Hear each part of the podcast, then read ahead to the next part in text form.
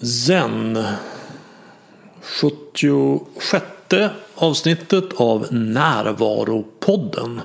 En samlande kraft mot tankarnas terrorism.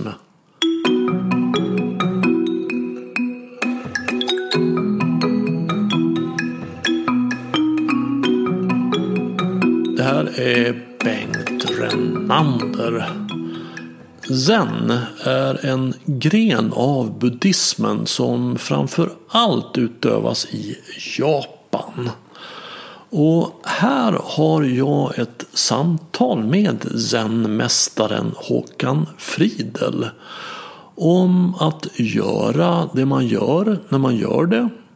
Om att tillåta sig vara den man är om att titta inåt istället för utåt. Om svårigheten med att inte vara ute efter något speciellt. Om att hitta det naturliga, enkla och avslappnade i sig. Om att leta i mig nu istället för utanför mig i framtiden om att träna på att rikta uppmärksamheten från tankevärlden till upplevelsevärlden. Om att försöka beskriva det som inte går att beskriva. Om vad som händer när man kan ha tråkigt. Om att det innevarande ögonblicket inte är tillräckligt intressant för egot om vad som händer när rädslan blir den bestämmande faktorn. Om att skifta från lärarens till elevens förhållningssätt. Om hur man kan använda zen i interaktionen med en dotter som har en kromosomstörning.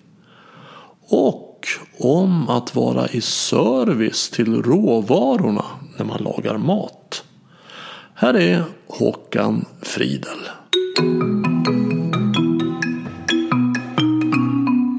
Jag har jobbat med behandlingar i nästan 30 år. Jag bodde i Japan i åtta år. Jag bodde tre år på ett zen-tempel och jag blev zen-mästers närmsta elev. Och det har jag nog varit hela tiden tills han försvann. Han är försvunnen. Eh, 2011 när den här stora tsunamin var i Japan så försvann han. Och man tror att han försvann in i tsunamin. Jag bodde tillsammans med honom i tre år och sen så har vi rest mycket tillsammans. Eh, jobbar med föreläsningar. Eh, vad är det som tar energi? Vad är det som ger energi? Vad är närvaro? Vad som tar närvaro? Vad som ger närvaro? De bitarna. Eh, mina behandlingar handlar väldigt mycket om utmattningssyndromet. Så det är det som jag kanske är, det är min specialitet. Att hålla på med de sakerna. Och sen har jag hållit på mycket med kampkonster också. Har svarta bälten i, i en massa olika saker. Eh, med svärd, med stavar, med judo och brottning. Jag har hållit på med tai chi också sen jag gick i gymnasiet. Så tai chi är något som ligger mig väldigt varmt om hjärtat också. Så det var jag hör. Så jag bor i Gustavsberg. Jag har två döttrar. En dotter som har en kromosomförändring som ställer till en hel del för oss. Ja, det finns mycket man kan prata med dig om. Mm. Men det som jag framför allt är intresserad av idag är just det här sen, sen. du säger. Ja, och, och vad som gynnar närvaro och vad som hindrar närvaro. Ja. Och jag har ju genom åren ja, jag har läst ganska mycket och varit i den här världen nu ganska länge. Och när jag träffar på någonting som har sen bakgrund så tycker jag alltid att det är så bra. Ah. Jag tycker de verkligen har, har så bra berättelse. Jag, det finns en som jag tänker som för mig beskriver väldigt väl vad, vad sen är. Vi får se vad, vad du tycker. Ja. Men, det är lärjungen som frågar sin mästare just vad är sen? Mm. Och mästaren säger att, att det är att eh, äta när man äter och arbeta när man arbetar och ja. sova när man sover. Ja. Och lärjungen säger men det, det låter så enkelt. Och mästaren säger att ja, men det är väldigt få som behärskar det. Ja, det är det. Vad, vad, vad säger du om den eh, fånget? är det din bild också? Ehm, ja, på sätt och vis är ju det man tränar.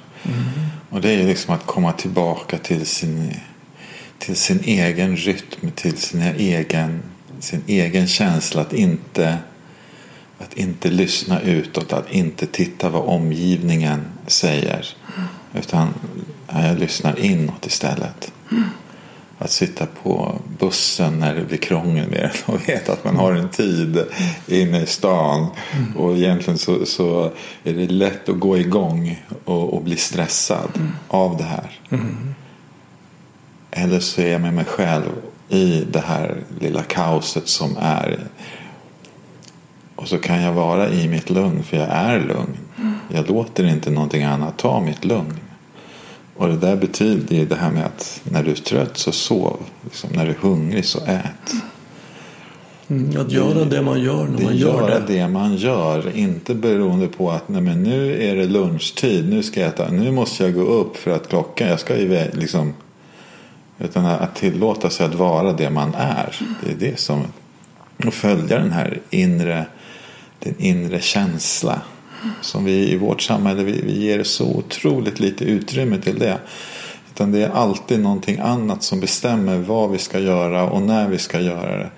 Man måste gå upp på morgonen för man ska iväg med ungarna till skolan och, och vi ska iväg till jobbet. Vi, vi måste äta frukost eller vi måste inte äta frukost för vi, har, vi håller på med en diet just nu som säger att man ska inte äta frukost, vi ska ha fasta här hela morgonen. Inte så smart när man har ungar som är griniga och dana och går där och har lågt blodsocker. Och så blir det en massa krångel på grund av det. Ja, men vad är liksom, och då har vi liksom tappat vår känsla för oss själva. Ja, Så, så sen är mycket då liksom att där är ju meditationen en del. Att, att sitt still. Det är Zen-mästers instruktion.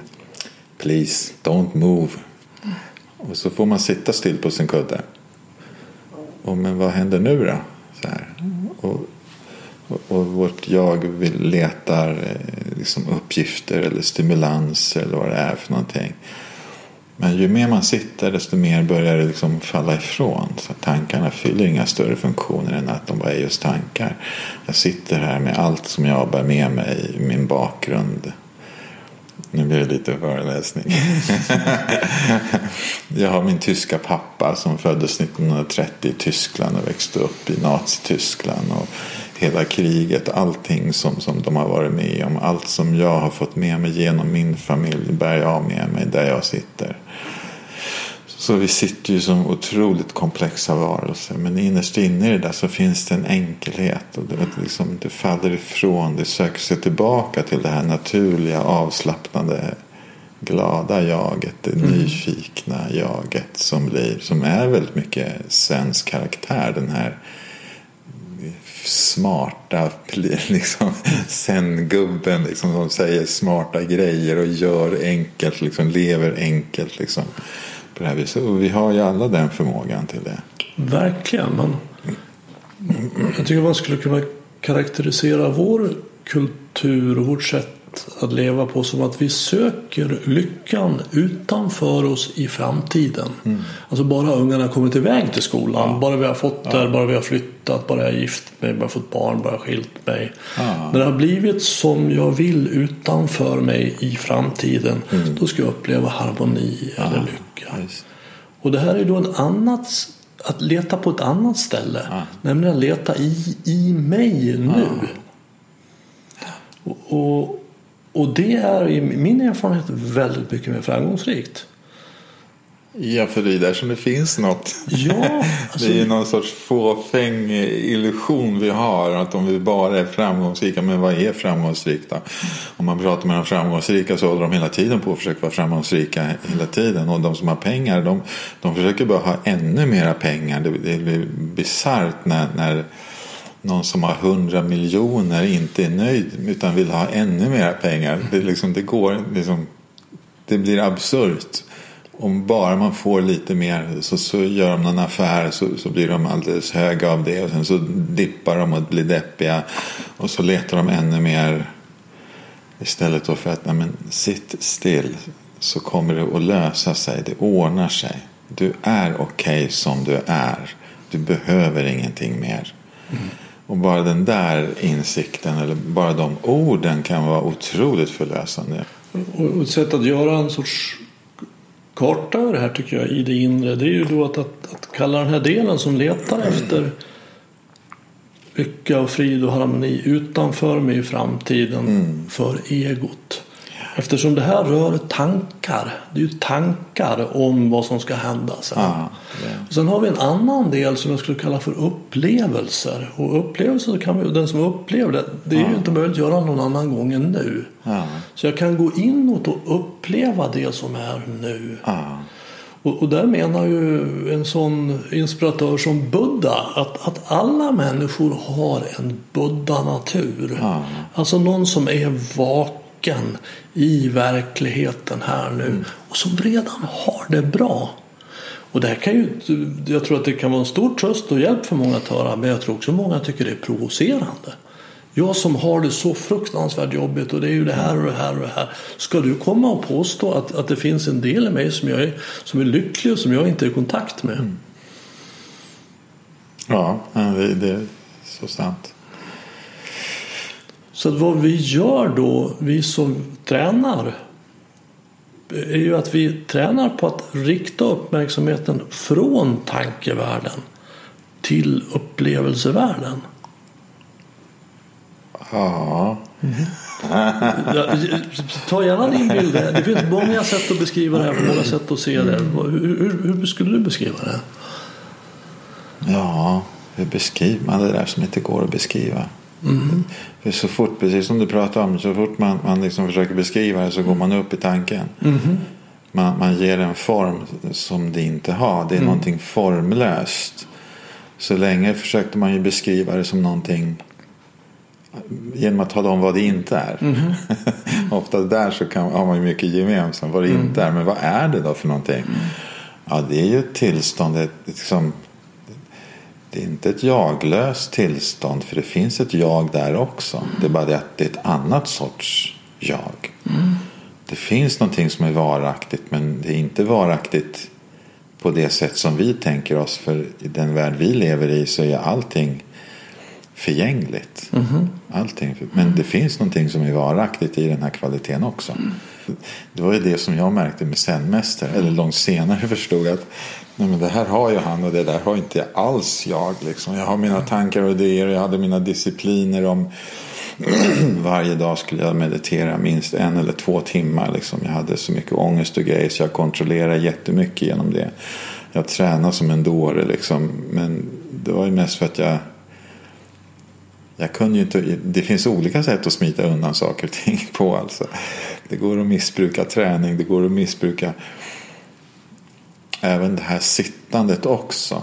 Allt som går att bruka. Det går, går att missbruka. Ja. Och, men jag märkte att när han satt, då satt han, han på ett helt annat sätt. När han, gjorde, liksom, när han jobbade i köket så var det något helt annat än vad jag gjorde. Liksom. Det fanns en mjukhet, det fanns en rörlighet i det. Liksom.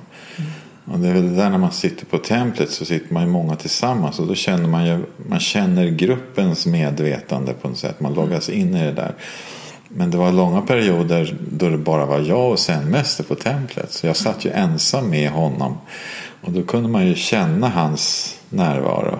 Om han gick ut så försvann någonting liksom. Mm. Och, och, det där var, jag, det var en annan sak än det som jag höll på med liksom, i mitt sittande, i mitt tränande. Och då började någonting att släppa och jag började bli, liksom, man, blir, man blir ju nära varandra utan att vara nära varandra. Man, man får någon sorts gemenskap och jag kände han var ju på någon, om man nu ska uttrycka det, på en sorts högre nivå. Men på något vis så började han att lyfta mig. Så jag började komma ur de här tankarna, beteendemönster, alltihopa. Det hänger i. Så hur, hur man tränar på templet. Det har ju en jättespeciell form just för att få oss att släppa tankar, få att gå ifrån allt det här. Och, och det är vad man kallar för sassen. Sassen. Ja, ja. alltså För det finns ju två delar. Dels är det vad det är vi upplever när vi utför detta. Mm. Och, och den upplevelsen är ju precis som du säger nästan till omöjlig att fånga i ord. Om inte omöjlig. Men det, det ska vi komma ihåg också. Som nästan alla upplevelser. Ja. Alltså en upplevelse, precis. upplevelsen av att, att dricka en kopp kaffe. Ja. Alltså beskriva det på ett sätt Ja. så att någon annan som inte har druckit kaffe kan begripa det. Det, det går knappt. Ja. Så, så att upplevelser är till sin natur väldigt svåra att beskriva. Men de är lätta att uppleva. ja, precis. precis. Och vad, vi- vad vi gör då i satsen är ju, som jag har förstått jag är ingen expert på det här, det vill jag noggrant understryka. Men det är ju det som vi gör i, i vilken meditation som helst. Alltså att vi tränar oss på att rikta uppmärksamheten från tankevärlden till upplevelsevärlden. Det är sant. Ja, Men det finns, vi pratar om sen, men det finns det finns Soto sen, det finns Rinzai sen, det finns Obaku sen. Och det, Berätta, vad är det för skillnad på de tre? ja, det, det är tre inriktningar som, som skiljer sig ganska radikalt från varandra. Ja. Även om på något vis kanske målet, kärnan i det är gemensamt så är formen. Rinzai sen, det är lite på 1200-talet så blev det, skiftade man från kejsardöme till shogunat. Och eh, kejsaren bodde i Kyoto och då startade man ett, eh, ett shogunat i, eller liksom en sorts överbefälhavaren bodde i Kamakura. Och då ville inte han ha med de gamla, den gamla buddhismen att göra utan då ville han ta fram något nytt. Och då bjöd han in just sen gubbar. Och Rinzai sen var de som svarade okej vi kan vara här. Så han då tränade samurajer och allt det här samuraj sen och, och eh, det kulturen, det här blomsterarrangemang, teceremoni. Det har ofta med Rinzai att göra. Soto sen de, de eh, sa nej, de, de håller till på landsbygden i Japan. Så sådana här små landsortstempel och sånt är ofta Soto sen. Och Soto sen är- är ju mera Rinzai sen har koaner till exempel. Just det. Koanträningen, den är jättespeciell. Soto sen använder sig inte av det. Utan deras grej är shikantasa. Bara sitta. Skittråkigt. Ja, för, för egot i alla fall. Ja, precis. Så det, det är mera flashigt att hålla på med Rinzai på något sätt. Och de, de skriker, de springer. De, de liksom, allt är mycket liksom, intensivare. Men Soto Zen-gubbarna, de, ja, de glider fram, de sitter, de gör. Liksom, det, det finns en, en otrolig värdighet i, i det. Och, eh, så, så där är väldig skillnad. I Rinzai sen så räknar man ofta andetag. Det gör man aldrig i, i Sotosen. En del säger att ja, Sotosen det, det är så svårt. Så, här, så det är bättre att hålla på med de här.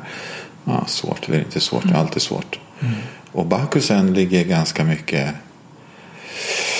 Ah, man får jag inte säga fel, men, men den ligger ganska nära det, den esoteriska. Det är mycket chanting med, med mantra och hålla på med de bitarna. Det är också sittandes sen också. De hade kinesiska zenmästare som kom från Kina som höll, höll igång den grenen. Så där är väldigt skillnader.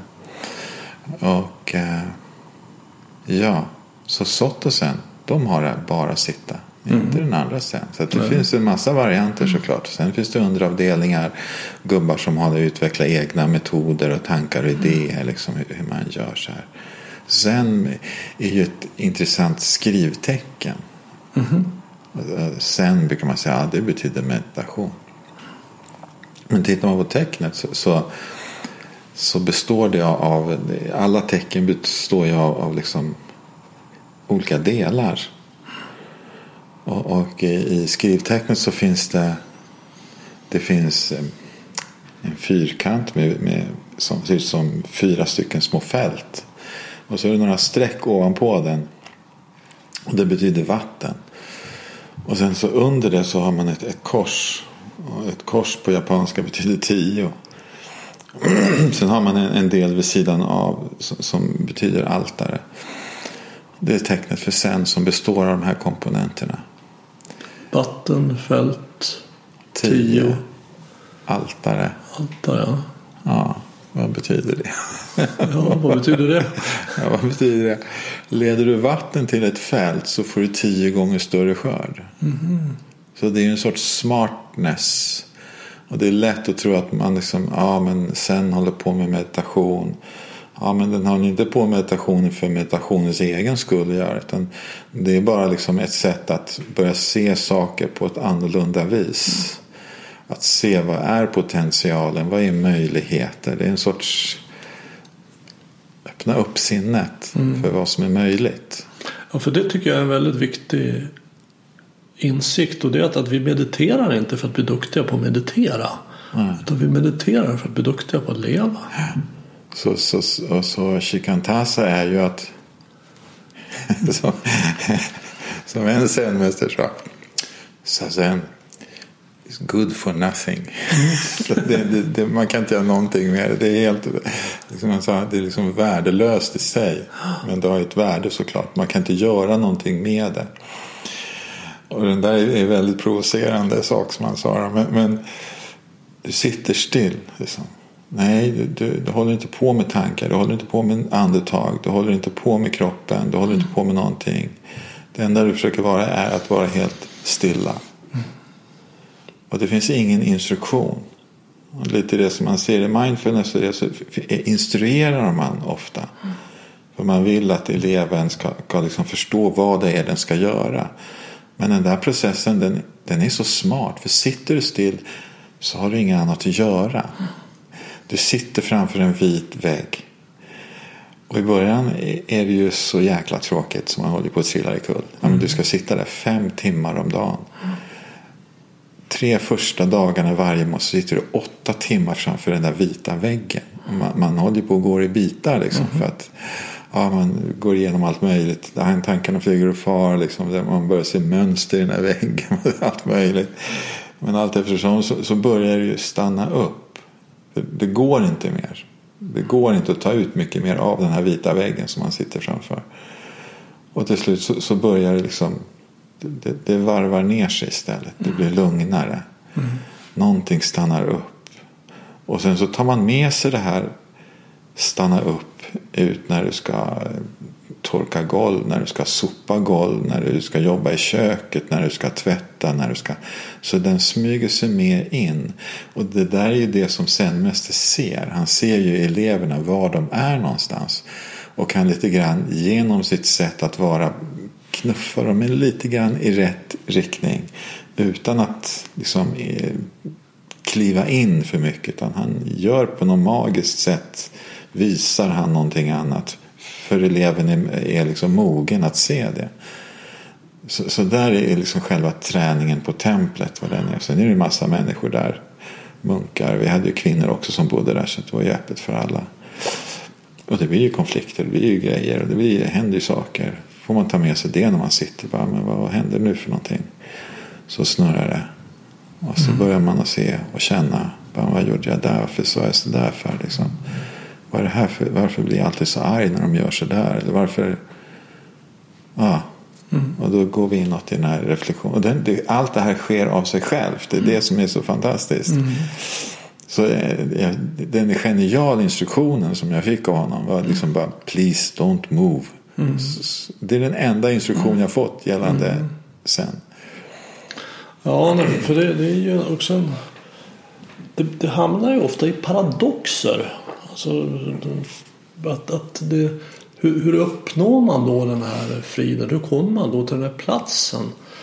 Och, och, och det gör man genom att inte söka efter den. Mm. Alltså att, att, genom att anstränga sig mindre. Man kan inte anstränga sig lite utan Nej. snarare slappna av in i det. Men då kan ju själva avslappningen i sig bli då en sorts ansträngning. Ah. Så det är väldigt liksom sinnet drar oss, egot drar oss verkligen ah. bort ifrån den här platsen. Och det är ju därför det är svårt att äta när man äter och sova ah. när man sover och ah, arbeta när man arbetar. För att sinnet drar egot. Egot i sina rädslor och begär vill, tycker inte att det här innevarande ögonblicket är speciellt intressant eller roligt. Utan sen ska det bli roligt. Och då inte sen i den bemärkelse vi pratar utan sedan. sedan. finns en, intressant liksom, anekdot av, eh, av eh, Xavier, den eh, portugisiske jesuitpatern som kom till Japan. Och han studerade allting precis som jesuiterna gör. De, de försöker förstå kulturen där de ska liksom, kunna sprida kristendomen. Och han blev väldigt fascinerad av, av, av zen rörelsen, zen-buddhismen där. Så någon gång var han på ett stort sånt där tempel eller kloster. De tittade in i meditationshallen och alla munkarna satt där. Liksom, det här jättespeciella, disciplinerade, allt det här som jesuiterna tyckte om. Så här. Och då frågade han zenmästaren, men vad är det de tänker på? Liksom? För han tänkte att aha, det här är någon sorts gudsgrej. Och zenmästaren svarade, Ja, de tänker på pengar, de tänker på eh, sprit, de tänker på nakna kvinnor. och det, och det, det, såklart, det var inte deras uppgift att tänka på det. Men, men att sinnet drar sig till en massa olika mm. saker då, på, det här, på det här viset. Mm. Och sen då ja, tar de tillbaka till den här tysta verkligheten mm. där ingenting behövs. Mm. Vi har allting för att vara lyckliga inom oss. Mm. Utan det är vi själva som, som tar krokben så vi snubblar hela tiden. Vi terroriserar oss själva med tankar. Det är ett sätt att uttrycka det. Ja, det är ett sätt att säga det på. Mm. Men jag brukar ofta, ofta prata man ofta det här med, med egot som någon sorts negativt. Egot drar till oss dit. Egot vill det här. Egot. Men jag brukar också tänka att ja, man ska vara glad för egot. För det är också egot som har, satt det ner på kudden. Det är mitt egos smärta som har gjort att jag åkte iväg till Japan. Som gjorde att jag tog mig till den här zenmästaren. För mitt ego kände en smärta, en frustration i livet. Mm. Mm. Så den där killen, han, han, måste få finnas med där. Absolut. Och jag tror det, det går inte att bli av med och det är heller inte önskvärt. Det, det är inte men, det det handlar om överhuvudtaget. Men jag tänker mig att egot är en god tjänare. Mm. Men en usel herre. Ja. Alltså om, om, om jag, egot, kör över mig själv. Ja. Om egot inte har kontakt, om jag inte har kontakt med mig själv. Ja. Om egot, jag gör saker som jag själv inte vill. För det är möjligt. Om vi tar alla missbruk till exempel. Så, så är ju det fullt möjligt. Och, och då blir det inte bra. Men när jag gör som jag själv vill, ja. jag har kontakt med mig själv, med den här platsen, den här djupare, stilla platsen ja. av en sorts visdom. Och så använder jag mitt ego till att, att, att manifestera mig själv ja. här på jorden och göra saker. Så det är ju fantastiskt att vara människa. Ja. För, för i, i alla fall i min föreställningsvärld så är det endast vi människor som har ett ego. Inget annat levande på jorden har det. Inte på det viset i alla fall. Nej, för det är ju kopplat till det reflekterande ja. tänkandet. Man brukar ju prata om, om tanke, tal och handling. Mm. De där tre. Ja, så säg mer om det. Tala lite om det. tanke, tal och handling. Vi tänker en sak, vi säger en annan och så gör vi en tredje. Mm. Och, och, så undrar man varför folk inte fattar vad man menar. Mm. Mm. Och, och, igen, i sittandet så börjar det där, ja, man tänker en sak och man börjar kunna uttrycka den och man kunde börja kunna göra den också. Mm. Men vad är liksom intentionen? Om det är egots intention så kan det bli en ganska hemsk mm. grej. Alltså, Efter den drivs av kan... rädsla. Ja, precis. Ja. när rädslan Men... är den bestämmande faktorn i livet så, så blir det sällan bra. Ja, Sällan inte. Mm. dramatiskt. Ja. Det blir ofta kaos och, och, och förfärligheter av det. Men när man börjar sitta ner och så börjar hitta min närvaro eller den här inre stillheten. Och så börjar jag kunna tänka utifrån den. Jag mm. börjar kunna tala om det och jag börjar kunna också uttrycka det i min handling. Då händer någonting. Ja. Då händer någonting annat i livet. När jag gör som jag själv vill. Ja. ja. Jag sover när jag är trött och ja. jag äter när jag är hungrig. och jag vet när jag är trött. Ja. Och jag vet när jag är hungrig. Ja. Alltså det, det, är inte alls ovanligt i min, mitt dagliga arbete med coachning. Att, att jag, mm. jag kan se in i ögonen på en klient och fråga vad, vad, vad, känner du just nu? Mm. Och du vet, de tittar på mig som... De, de, vet, de har ingen aning. Mm. Och, och, och, när vi har, jag brukar göra också en liten landningsmeditation och då var Anton så att Gud vad trött jag blev. Ja. Och, och då frågar jag, är det så att du blev trött nu eller är det så att du upptäckte att du är trött? Och det är alltid det senare. Ja. Och det är otroligt att få kontakt med det. Jag är trött, då behöver jag vila. Ja, det är kroppens precis. sätt att säga det. Men har jag inte den kontakten så är det ett ganska säkert sätt för just det som du arbetar mycket med, utbrändhet. Ja. För, för jag är inte i kontakt med att jag är trött. Utan jag kör på Ja. och lyssnar inte på kroppen. Lyssnar inte på mig själv. Nej. Nej, och jag, jag ser just i mitt arbete att man vi har ju de här, om vi blir lite så här biologiska. Vi, vi, vi har ju det sympatiska nervsystemet som kickar igång. Och hela vårt samhällssystem bygger på karriärer, på överlevnad. Vi lever nästan alltid under någon sorts hotbild. Och väldigt ofta är det ju faktiskt så att vi, vi, vi är vårt eget hot. Det är inte ett yttre hot utan vi hotar till och med oss själva. Med saker som jag måste, hur jag ska vara. Vi bygger upp en självbild som är, är väldigt, väldigt hård. Och såklart har man ju byggt upp den här självbilden för att överleva en situation eller få bekräftelse i kanske i familjen eller vad det nu är i skolan eller alltihopa det här. Så väldigt mycket som jag ser det är om det är zen-meditation, om det är yo- yoga eller avslappningsövningar. a- Allt det där är för att vi ska liksom komma tillbaka till den här andra, det parasympatiska jaget. Eh, En boktitel. Den parasympatiska människan. som är empatisk, som, som är lyssnande, som är nyfiken. Som har en massa goda sociala kvaliteter. Den där som man, ja men det är ju så där som jag är egentligen. Varför kan inte jag vara så hela tiden? Och det var lite det där som jag upptäckte redan som, som, eh, som 12-åring. När jag hittade en bok i skolbiblioteket som hette Yoga hjälper. Och där fanns det meditationsövningar. Och en heter Tratak. Och det är att sitta och titta på ett ljus. Bara en ljuslåga, titta på den, blunda, se vad som händer med det här lilla avtrycket.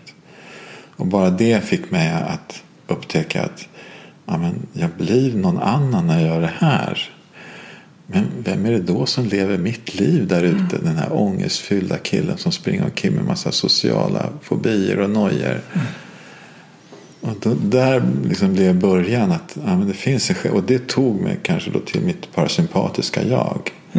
Och så hittade jag en massa saker i det där. Men beteendemönstren och känslomönstren i, i min vardag de är så starka så man sugs in i det där väldigt snabbt. Och det är många som har varit på, på yogaretriter eller meditationsretriter eller tysta retriter. Så kommer man tillbaka och så snurrar det bara igång med en gång nästan. Det är jättemärkligt. Och då tyckte jag att det är intressant när man börjar göra sin vardag till sin träningsplats. Jag måste träna där jag är. Det får inte bli en separat vana. Och esoteriska buddhismen pratar ju mycket om, om, om eh, att hålla meditationen i sin vardag. Att hålla närvaron i vardagen. För du, du är inte du är lika bra på din kudde som du är ute i vardagen. Det finns alltid nu att komma till. Ja, det, det gör ju det. Och, och summan av det huset som du lever i samhället eller din vardag. Det är också summan det som du sitter med. Så, så det är inte två separat. Man kan inte vara jätteduktig på att meditera medan man inte klarar av att vara närvarande i det andra livet. Utan de här går ju hand i hand. Och det är det som är sen träningen då. Att vi, man sitter, man går ifrån, sitter, går tillbaka till den aktiviteten vi höll på med. Lite grann för att komma in i det. Man, man liksom påminns eller balanserar upp sig själv så tillbaka. Så tappar man bort det när man håller på där med sina mönster. Och Interagerar med andra människor. Och så tillbaka, sitt igen. Ja. Så att den här fram och tillbaka. Så. Det är ju så oerhört värdefullt att ha kontakt med den här platsen. Hur ska du kalla det? Jag brukar kalla det för självet. Det där som är stilla, som, är, som kan reflektera. Jag, jag köpte ett fritidshus i somras och, och, och när jag höll på att måla och, och greja med det där så startade en röst i mig som var så jädra kritisk. Så gud vad du är dålig. Att du inte tänkte på det här. Att nu är du fel här igen. Alltså en verkligen stark kritiker som jag inte har haft på många, många år i mitt andra. Vilken elak typ som det här är. Så då fick jag sätta mig och titta, vad är det här för någonting? Vad är det som händer här? Och också mer att ha det en nyfikna nybörjarens inställning. Så, wow, intressant! Vad är det här för kritiker? Vad håller han på med? Och, med, och, och, och när jag gjorde det så tystnade det sen. Ja. Men det var just med tanke på det vi pratade om att, att vi verkligen terroriserar oss själva. Alltså vi, det, det som framför allt drar bort oss ifrån harmoni, frid och lycka är saker som sker i oss bortom vår kontroll. För jag menar, vi kan ju inte bestämma vad vi ska tänka. Nej. Men vi kan, vi kan påverka hur jag förhåller mig till mina tankar. Ja. Det kan vi påverka. Om jag tar dem på allvar som hur, sanning. Vi, hur vi tänker. Vad vi tänker är ju oftast det är väldigt lite som vi hittar på själva. Mm, verkligen, det bara Nästan, kommer. nästan alltså 99 procent kommer utifrån. Och jag, Ja, jag tycker, Det beror på vad man menar med utifrån. För det är någonstans i huvudet ändå. Ja, men, men du får tankar och idéer från dina föräldrar, din Mhm. familj. Det är den första liksom, Mm. påverkan man får från föräldrarna. Som har fått tankar och idéer från sina föräldrar, som har fått tankar från sina föräldrar. Och så går det ju bara vidare. Verkligen. Sen är, jag menar, min pappa växte upp i 30-talet i Tyskland. Mhm. Och var liksom i en socialdemokratisk familj. Eh, De hade det ju inte lätt såklart. Liksom, så är det. Men, men jag är ju född på sex, början av 60-talet och var tonåring på 70-talet. Och det har ju format mig också. Mina tankar och, och, mitt sätt att bete mig. Och hur vi förhå- jag förhåller mig till saker och ting. Och samma sak med de unga idag som växer upp med mobiltelefoner. De har inte upplevt att stå och frysa i en telefonhytt och prata för en krona. Så allt det här det är det som vi, vi bär med oss. Det är det som formar våra tankar och hur vi förhåller oss på det viset. Men det gemensamma är ju att släpp det. Låt, liksom, gå, gå inte in i den kontrollen som det är. Låt det vara. Släpp det. Kliv åt sidan. Och, det är sannerligen inte lätt. Och det är därför Nej. vi tränar på det. Det är det man måste öva sig på hela tiden. menar, och allting som är hyfsat svårt behöver vi öva på. Alltså lära sig franska eller spela golf eller spela bastuba eller vad det nu än är. Ja, ja. Vi behöver öva på allt Ja. och så också detta. Så det är inget konstigt. Nej, det är som Selmer sa. Allt man tränar på det blir man bättre på. Det man inte tränar på det blir man inte bättre på. Nej, det, är- Det, är där mo- finns ingen paradox. ja, men hur motigt det än är så om du inte tränar på det så, så då blir du inte bättre. Nej. Och speciellt när det är motigt så finns det ju mycket där i också. Att sitta med när det är när det tar emot, när det är smärtsamt, när det är jobbigt. Ja, men jag är kvar i det här också.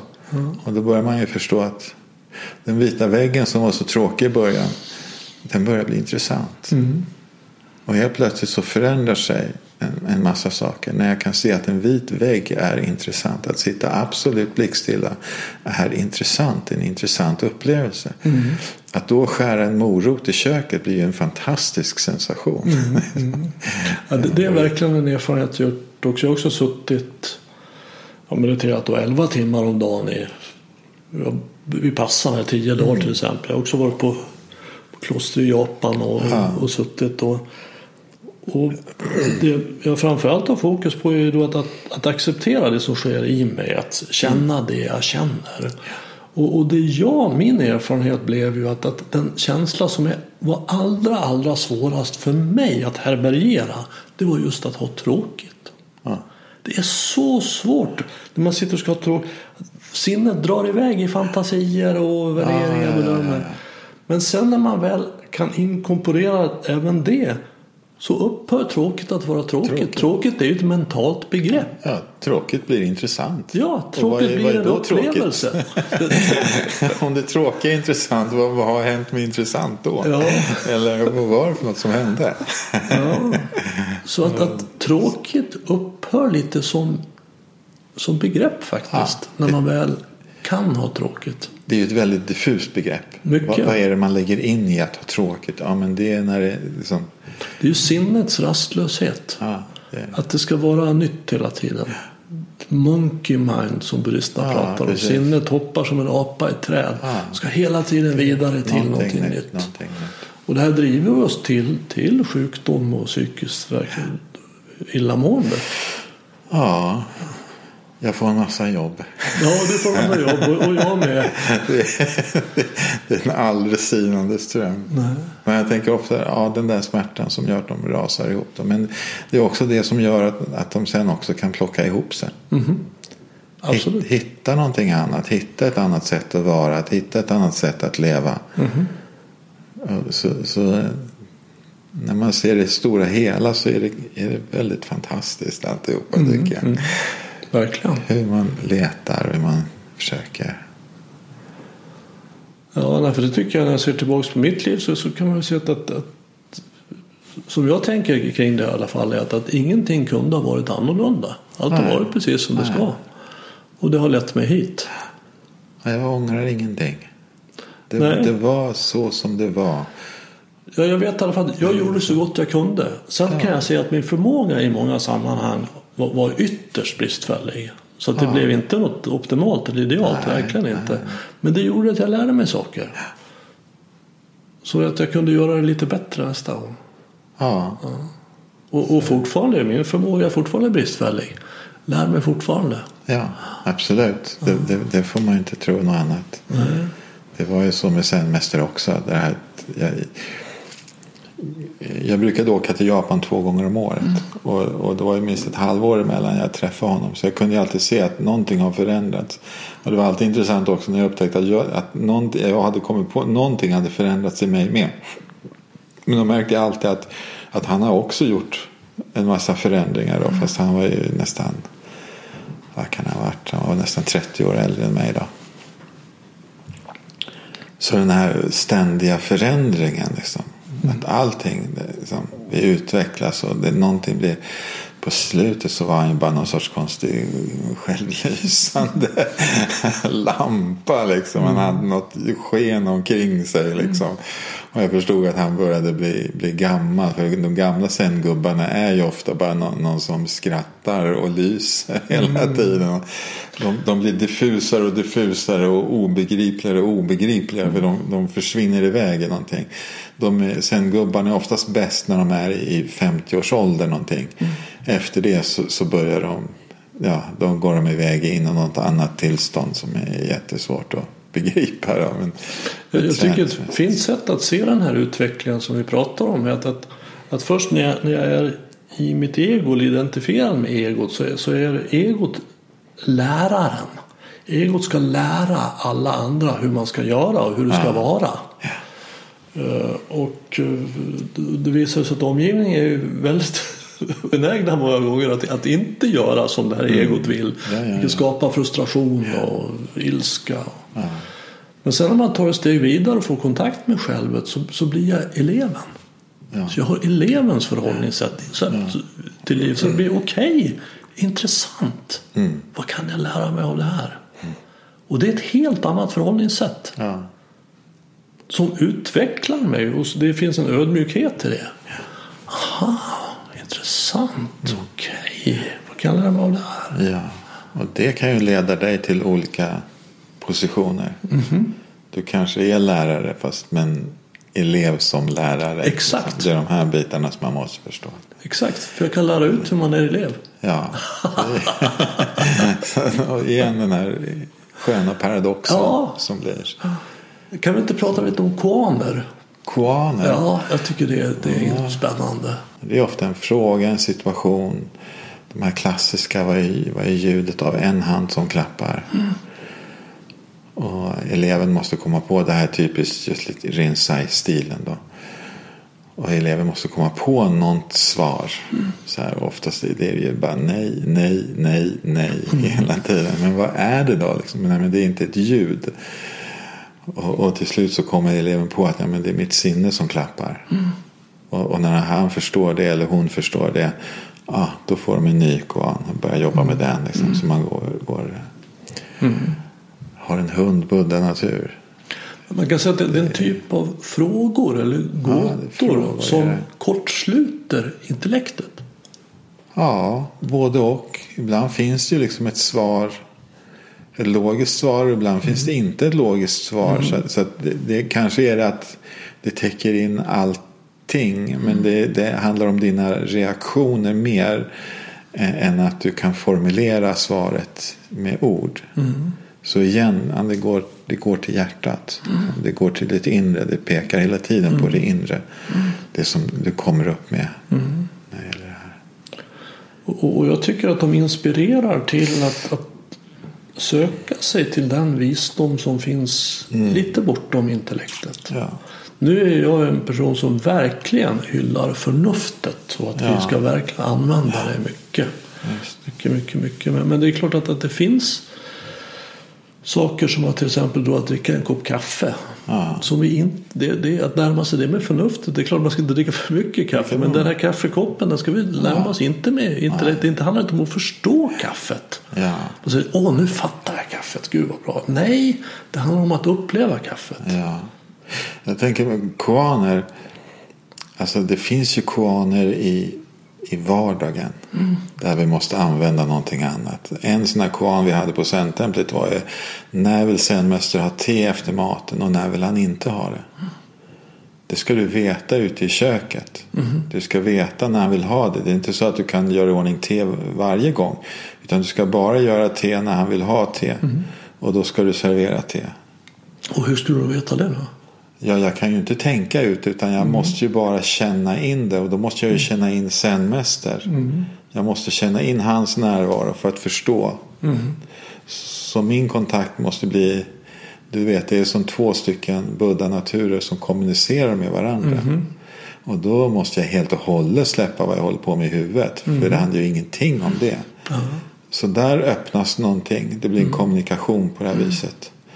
Ibland kan man se den där kommunikationen ho- hos gamla par. Man Just levt länge tillsammans. De vet precis vad som händer där borta. Med Vad de håller på med. Och det är vad jag skulle kalla för intuition. Det är intuition men det, det, i sen blir det en annan närvaro. För det är inte det är inte en ansträngning, det är inte en vilja, det är inte en önskan. Utan du måste gå till din närvaro och den är ju hela tiden. Just det. Så det är en liten skillnad i hur man Orden får lite olika betydelse märker jag. Ja, För mig så är nog intuition behöver inte nödvändigtvis vara en ansträngning. Utan för mig är intuition att, att, det är att veta utan att veta hur man vet.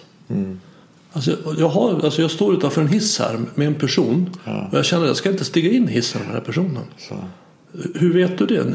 Jag vet inte riktigt hur jag vet det. Men jag känner det. ja, Och det kan vara så att, att eh, jag känner att min partner vill ha kaffe nu. Ja. Hon har inte sagt men jag vet det. ja, Eller att min mästare inte vill ha te nu. ja. Jag känner, hur, hur vet du det? Jag vet inte riktigt hur jag vet det. Men det är väldigt starkt för mig. ja, så man använder, ja, det blir det här intuitiva jaget. Men det är också ja, det tysta jaget. Just det. Det är det. Och, och det är för mig då kopplat till självet. Den jag är när jag är närvarande. Då är jag också i kontakt med min intuition. Alltså min visdom. Ja. En sorts djupare Ja, visdom. det, det finns också, precis. Att vara ett med det man gör. Ja, och det, det har ju också väldigt mycket med sen. Och det, Rinzai sen har sin, man har ju teceremoni, kalligrafi, man har alla de här klassiska Bågskytte. bågskyttet. Det är väl de tre framför allt. Ja, kanske det. Ja, det har mycket med svärden och grejerna också att att röra sig. Men det kommer tillbaka till att, att vara då någon sorts ichinyo eller oneness man pratar om. När sinne, allt, ja, när tanke, tal och, och handling, liksom, när det bara är ett. En rörelse. Ja, jag satt och gjorde kalligrafi just det på ett sen tempel i Japan. Var någonstans? I Kyoto. Kyoto. Ja, ja, ja. Och jädrar vad svårt. Alltså. Och att komma till stillhet, att, att bara göra det. Alltså den här inledande simulatorn som säger att, det, det låter enkelt att bara göra det. Men det är oerhört svårt. Ja. Det, kommer kritiker och prestation. Och, Bara sitta med, men det är en fantastiskt bra träning. Ja, gör det. Nedanför templet så, så bodde det en, en, en, just en jätteduktig, han var väldigt berömd zen-kalligraf. Och ibland så brukade jag sitta hos honom och så gjorde vi vi skrev ett som var ett streck. Mm. Och, och vi höll på skrev på tidningspapper. När vi rev tidningar så, här, så satt vi och skrev ett, ett, ett. Hundra papper, mm. tusen papper. Så, så kom fram och tittade igenom min, min bunt. Så, här, så sa ah, den här, den här är riktigt, riktigt fin. Så. Och så tog han sina penslar och så torkade han av sig på dem. Och så slängde han bort det. Mm. Vad var det där nu då? Egot vill jag ha kvar allt det fina vi gör. Liksom. Men det är samma tanke borta. som i en mandala. Ah. Man, man, skapar den och sen ja, förstör man den. För det där speglar någonting av ditt inre. Mm. Det har inte alls med dig, det som du gör i ditt yttre. Mm. Och, och, och, bara den liksom, reflektionen, ja, men den där itchy ettan. Det är den, den har du i dig själv. Du har den där. Den mm. finns där hela tiden. Nu kan du göra den också i handling. I ett. Mm. Och sen mästers undervisning. Det var ju matlagning. Han var ju superduktig på det. Mm. det, det sen är ju en sorts metodik också brukade jag tänka.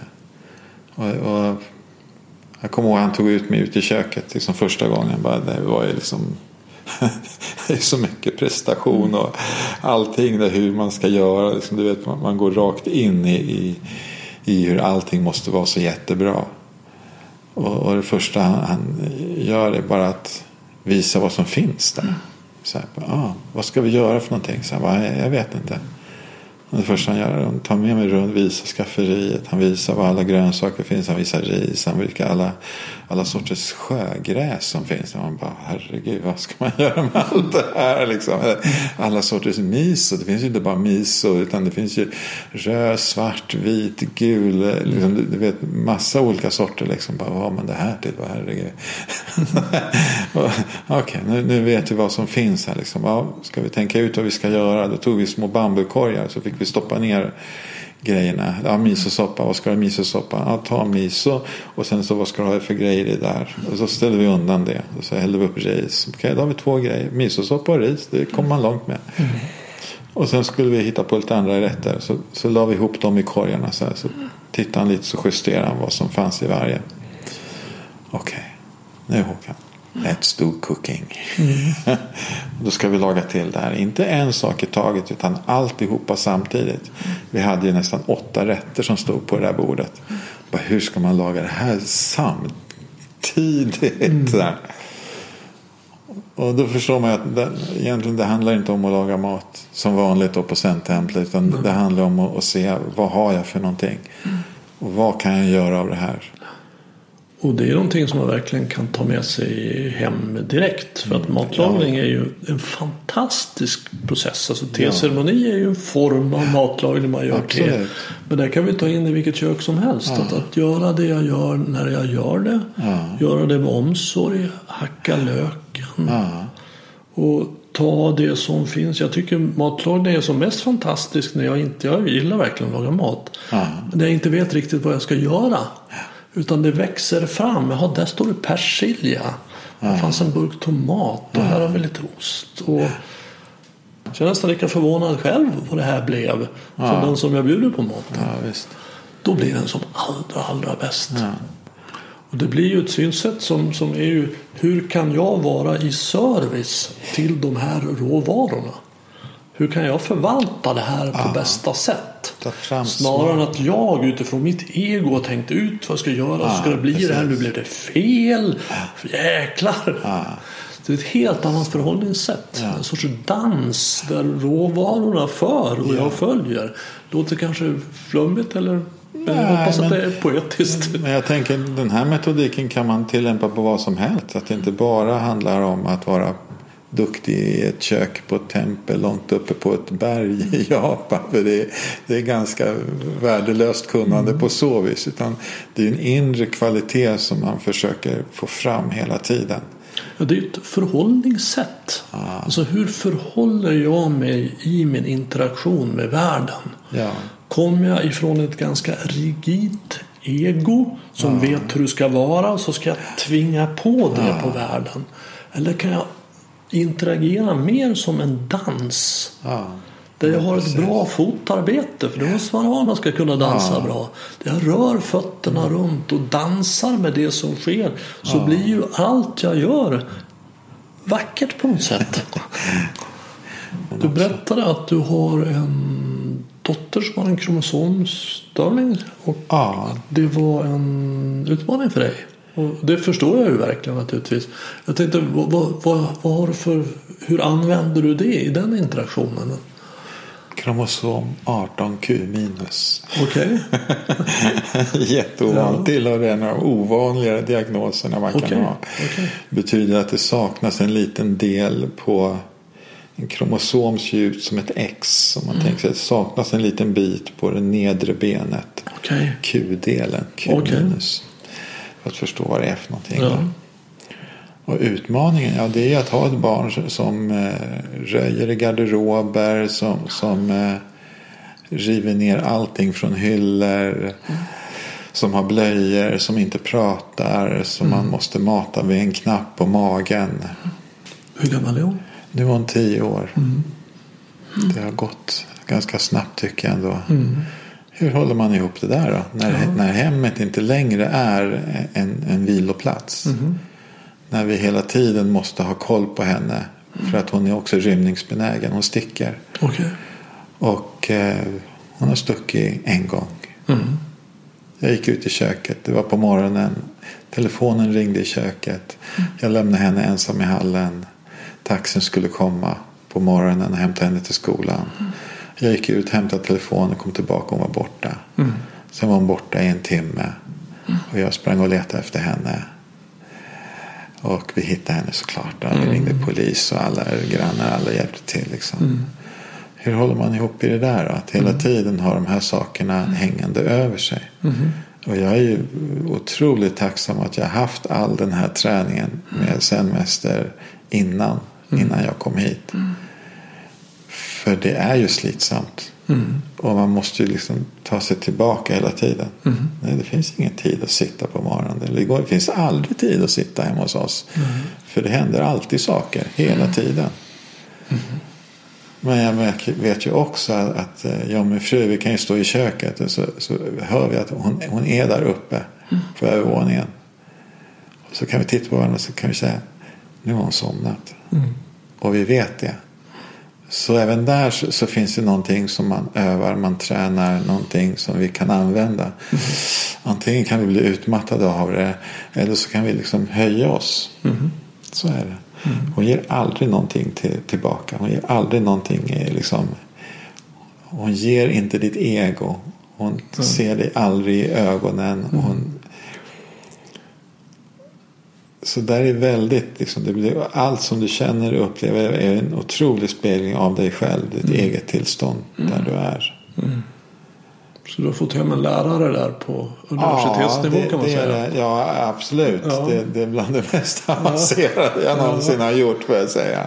förstår jag. Och utan att hon vet om att hon är en lärare. Men hur hanterar man den här situationen? Hon har ju också en syster som också ska ha uppmärksamhet och alltihopa. Men vi måste ju hela tiden ha ena örat på vad, vad hon gör för någonting då. Det förstår jag. Så, så där blir det en jättespeciell situation. Man går till jobbet och ah, kan slappna av. Andra går till jobbet och så kommer hem och tar det lugnt där. Just. Så, så hur får man ju justera om allting då? Hur ska det kunna funka? För annars går vi ju sönder alltihop. Ja. Ja, då, vi, vi håller på med, med det här. Vad är det som tar närvaro? Ja, det här tar närvaro. Men det måste också finnas saker som ger närvaro. Och bara, nej, men om man inte kan meditera då måste man ju ha andra saker som gör det. Och det kan ju faktiskt vara då bara ja, sitta ner. Veta att hon är där uppe. Hon ligger och sover. Då har jag min kopp te som jag kan dricka. Och jag kan känna smaken. Och jag kan uppleva det som jag har just nu här. Och då blir det lite grann nästan essensen. Tack och lov att jag har gjort liksom. Jag har mediterat i över 40 år. Liksom. Mm. Så har jag den erfarenheten. Mm. Och jag minns en gång vad, Zenmäster sa att ah, Håkan. att man, man eh, han sa att det, det är som en, en eh, du, du, in, du gör en investering. Det är som du sätter in pengar på banken. Ju mer du mediterar desto mer sätter du in på banken. Men ju mer du sätter in på banken desto mer ränta kan du också få av det här. Om, om du bara har suttit lite, lite grann så kan du inte förvänta dig att det kommer tillbaka så mycket heller av det. Mm. Men ju mer du har suttit desto mer har du liksom fått in där och då kommer du få till godo av det här mm. av sig självt. Och det är väl det som känner att amen, det här bär jag med mig. Min erfarenhet och allt det här som jag har gjort. Det, det, bär, det, är, det är i mig på det viset. Och då kan jag ha det också med min dotter som nu har börjat ändra på sig och, och har blivit kontaktsökande. Och vi, vi, har jätte, hon är inte bara ett problem, hon, hon är en, en, en skön liten varelse mm. som är supergod. Mm. Och, och, man kan ha väldigt roligt med henne men man måste kommunicera på ett helt annat sätt. Mm. Än med ett, med ett annat, ett vanligt barn. Ett mm. vanligt barn. Har ett mm. speciellt barn, ett vanligt barn. Mm. Det blir också lite märkligt hur man ser på det. Men hon har aldrig varit en sorg för oss. Mm. Det är många som säger att har, vi hörde av en psykolog som sa just det att ah, det här är en livslång sorg. Så här, bara, Nej, det har det aldrig varit. Mm. Så, så det, det kanske kommer också av att både jag och min fru har tränat till de här sakerna. Att mm. vi, vi, ser det på ett annat vis. Säkert. Det är på det viset. Ja. Okej, det tror jag vara fina slutord. ja. Bra. Tack för att du kom hit. Ja, tack så jättemycket att jag fick komma hit. Om du vill veta mer om Håkans arbete eller komma i kontakt med honom så finns en länk till hans hemsida i anslutning till det här avsnittet på min hemsida renander.nu. Jag gör Närvaropodden för att sprida kunskap om hur medvetenhet och närvaro kan hjälpa oss att sluta sluta terrorisera oss själva och andra med tankar. Om du vill stödja podden, hjälp till att sprida den genom att tipsa om den till vänner och bekanta. Det är också hjälpsamt om du betygsätter och skriver kommentarer på iTunes. Vill du veta mer om hur du kan bli mer medveten och närvarande så köp min senaste bok Stoppa tankarnas terrorism. Boken har fått många positiva omdömen som tydlig, klar, enkel och väldigt användbar.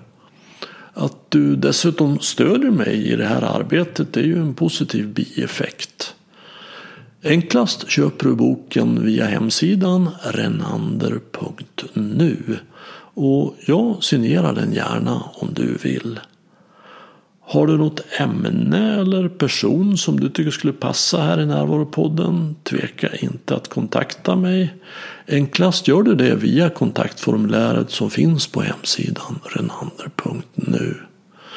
Desto fler vi är som är vakna i verkligheten ju mer kan vi förändra den på riktigt. På återhörande och du, var uppmärksam.